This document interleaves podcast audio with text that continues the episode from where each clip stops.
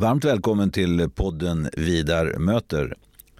Idag består podden av ett kortare föredrag på temat eh, Hur mår de svenska socialdemokraterna egentligen? Kanske inte innerst inne, men i varje fall en liten bit innanför huden. Varmt välkommen och häng med!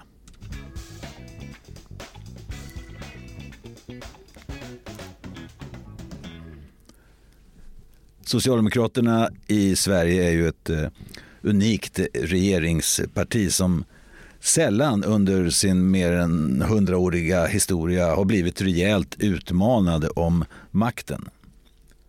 Den första riktigt allvarliga utmaningen den dök upp ehm, med eh, alliansen där de fyra borgerliga partierna efter stora vedermödor enades och gick till val tillsammans med ett program som eh, Socialdemokraterna hade svårt att hantera. Eh, man såg inte riktigt faran som kom där 2006 när eh, Reinfeldt och de andra tre borgerliga partierna fick egen majoritet i riksdagen och Socialdemokraterna fick lämna.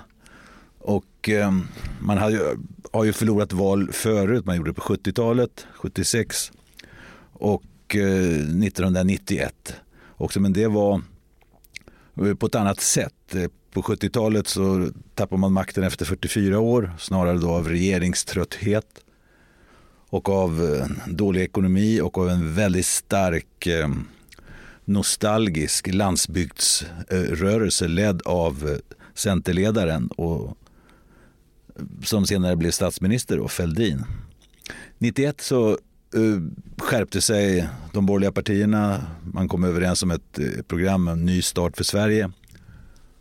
Och med hjälp av att uh, Ny Demokrati, ni kommer ihåg, ni som är lite äldre, Ian Wachtmeister och Bert Karlssons parti, de kom in i riksdagen och gav då eh, den nya regeringen majoritet. Men den regeringen varade kanske ett år ungefär. Det var ju väldigt stora ekonomiska problem och det blev mot slutet egentligen en samlingsregering.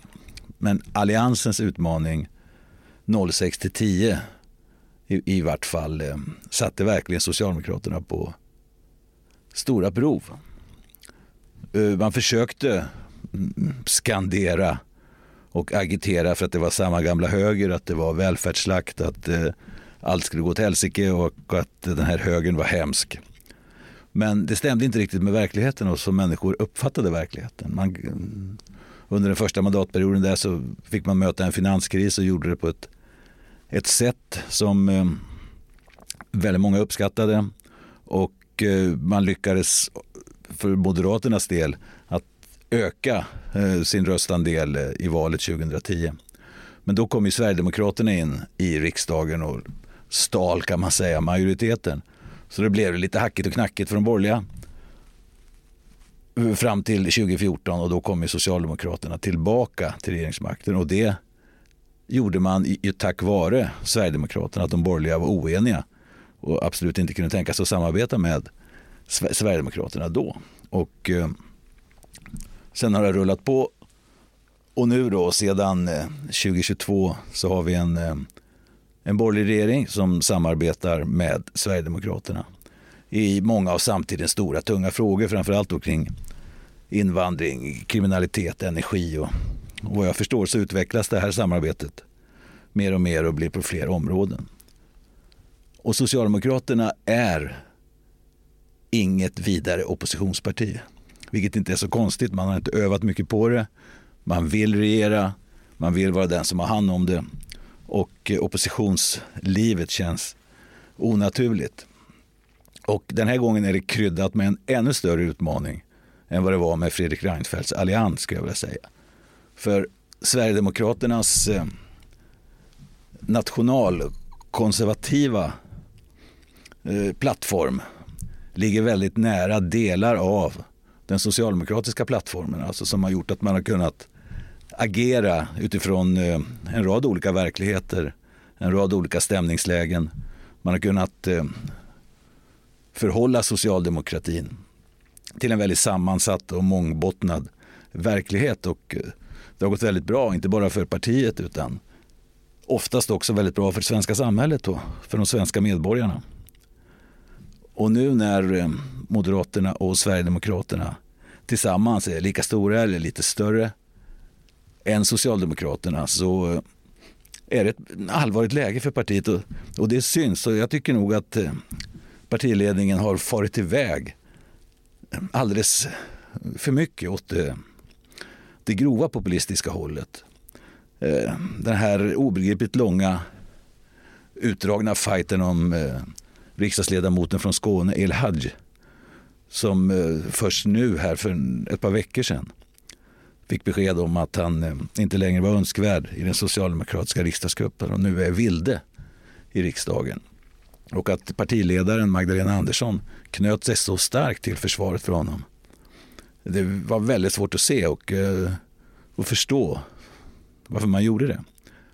Och min enkla analys är att partiledningen känner sig så pass pressad och de spindoktorer som man har där petar på dem i en viss riktning. Att eh, det vanliga mångbottnade omdömet har fått stå tillbaka för en iver att i varje möjligt ögonblick försöka skada Sverigedemokraterna och indirekt då Moderaterna, men framför allt Sverigedemokraterna. Och eh, att eh, El Haj, eh, han kommer från Libanon, han kommer från Mellanöstern och kommer alltså från islamska, muslimska kretsar, eh, tror jag var en bidragande orsak till att eh, partiledningen, framförallt då Magdalena Andersson, stöttade honom så väldigt starkt. Eftersom det indirekt var ett slag mot eh, mot Sverigedemokraterna och, och eh, mot eh, SDs partiledare Jimmy Åkesson. Jimmy Åkesson slog ju igenom kan man säga eh, med sin eh, berömda debattartikel i Aftonbladet eh, för nu väldigt många år sedan där han pekar ut alltså, muslimer och islam som det stora hotet för Sverige.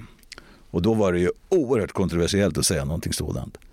Och eh, att Åkesson sa detta och fick hela det etablerade Sverige emot sig var en starkt bidragande orsak till partiets eh, fortsatta tillväxt.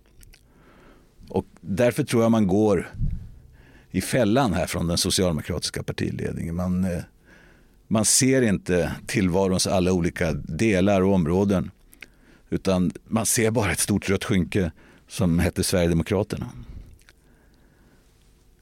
Utfallet här mot eh, högerdebattören och liberalen Henrik Jönsson som eh, partiledningen eh, och Magdalena Andersson gjorde en intervju med Dagens Nyheter. Alltså oprovocerat så nämner man och går till attack på en enskild debattör på det här viset.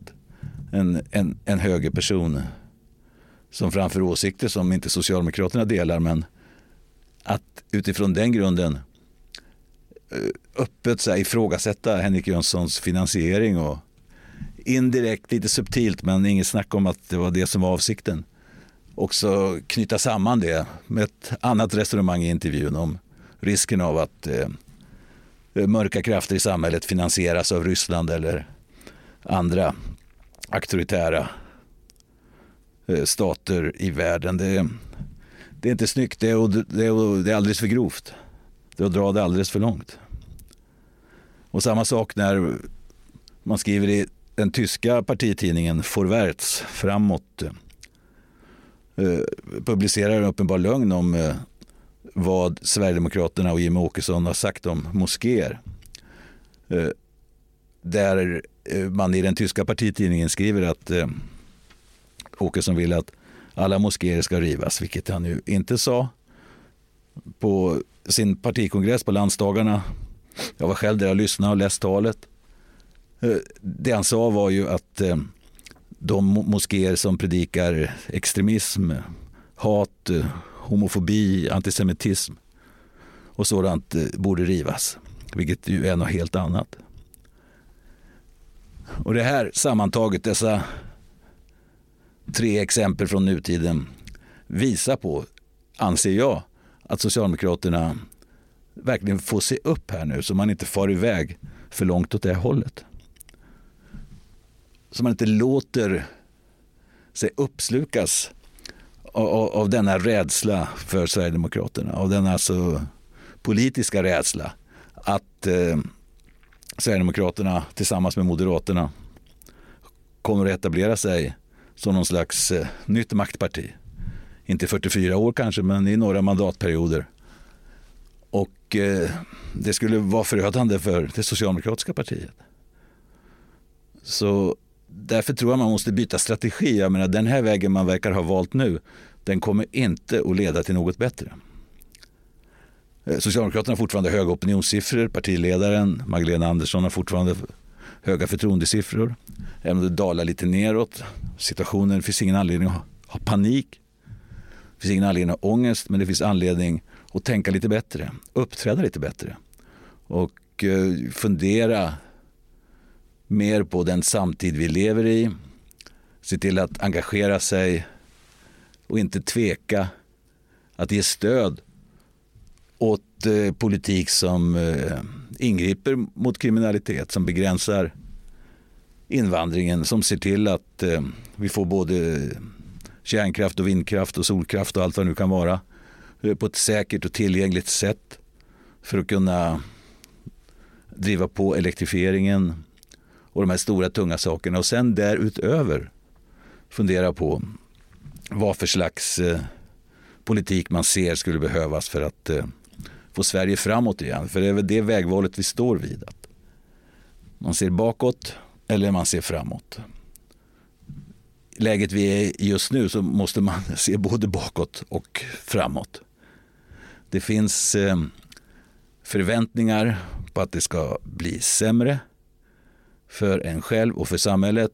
Det har dominerat i alla de här mätningarna om hur vi människor ser på samtiden. Och där har de som ser pessimistiskt har dominerat i många, många år. Nu börjar kurvorna att ändras lite. Vi kanske får mer av stigande förväntningarnas missnöje. Det vill säga, vad ska hända med allt detta nu? Hur, hur ska vi få det bättre? Hur ska skolorna bli bättre? Hur ska tryggheten bli större? Hur ska vägarna bli bättre? Hur ska Eh, sjukvården blir bättre? Och allt vad det nu kan vara. Att man lever upp till det missnöjet hos alla som vill få det bättre.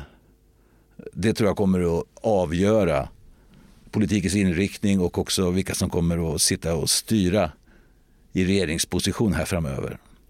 Och det kommer inte att duga med det här populistiska och överdrivna attackerna från Socialdemokraterna. Det, det sårar och skadar framför allt Socialdemokraterna själva. Så jag hoppas verkligen att eh, partiledningen har kraft och ork och förmåga och vilja att lägga om rodret. För den här vägen man har slagit in på nu, den är inte bra, vare sig för partiet eller Sverige. Stort tack för att ni har lyssnat. Eh, jag heter Vidar Andersson.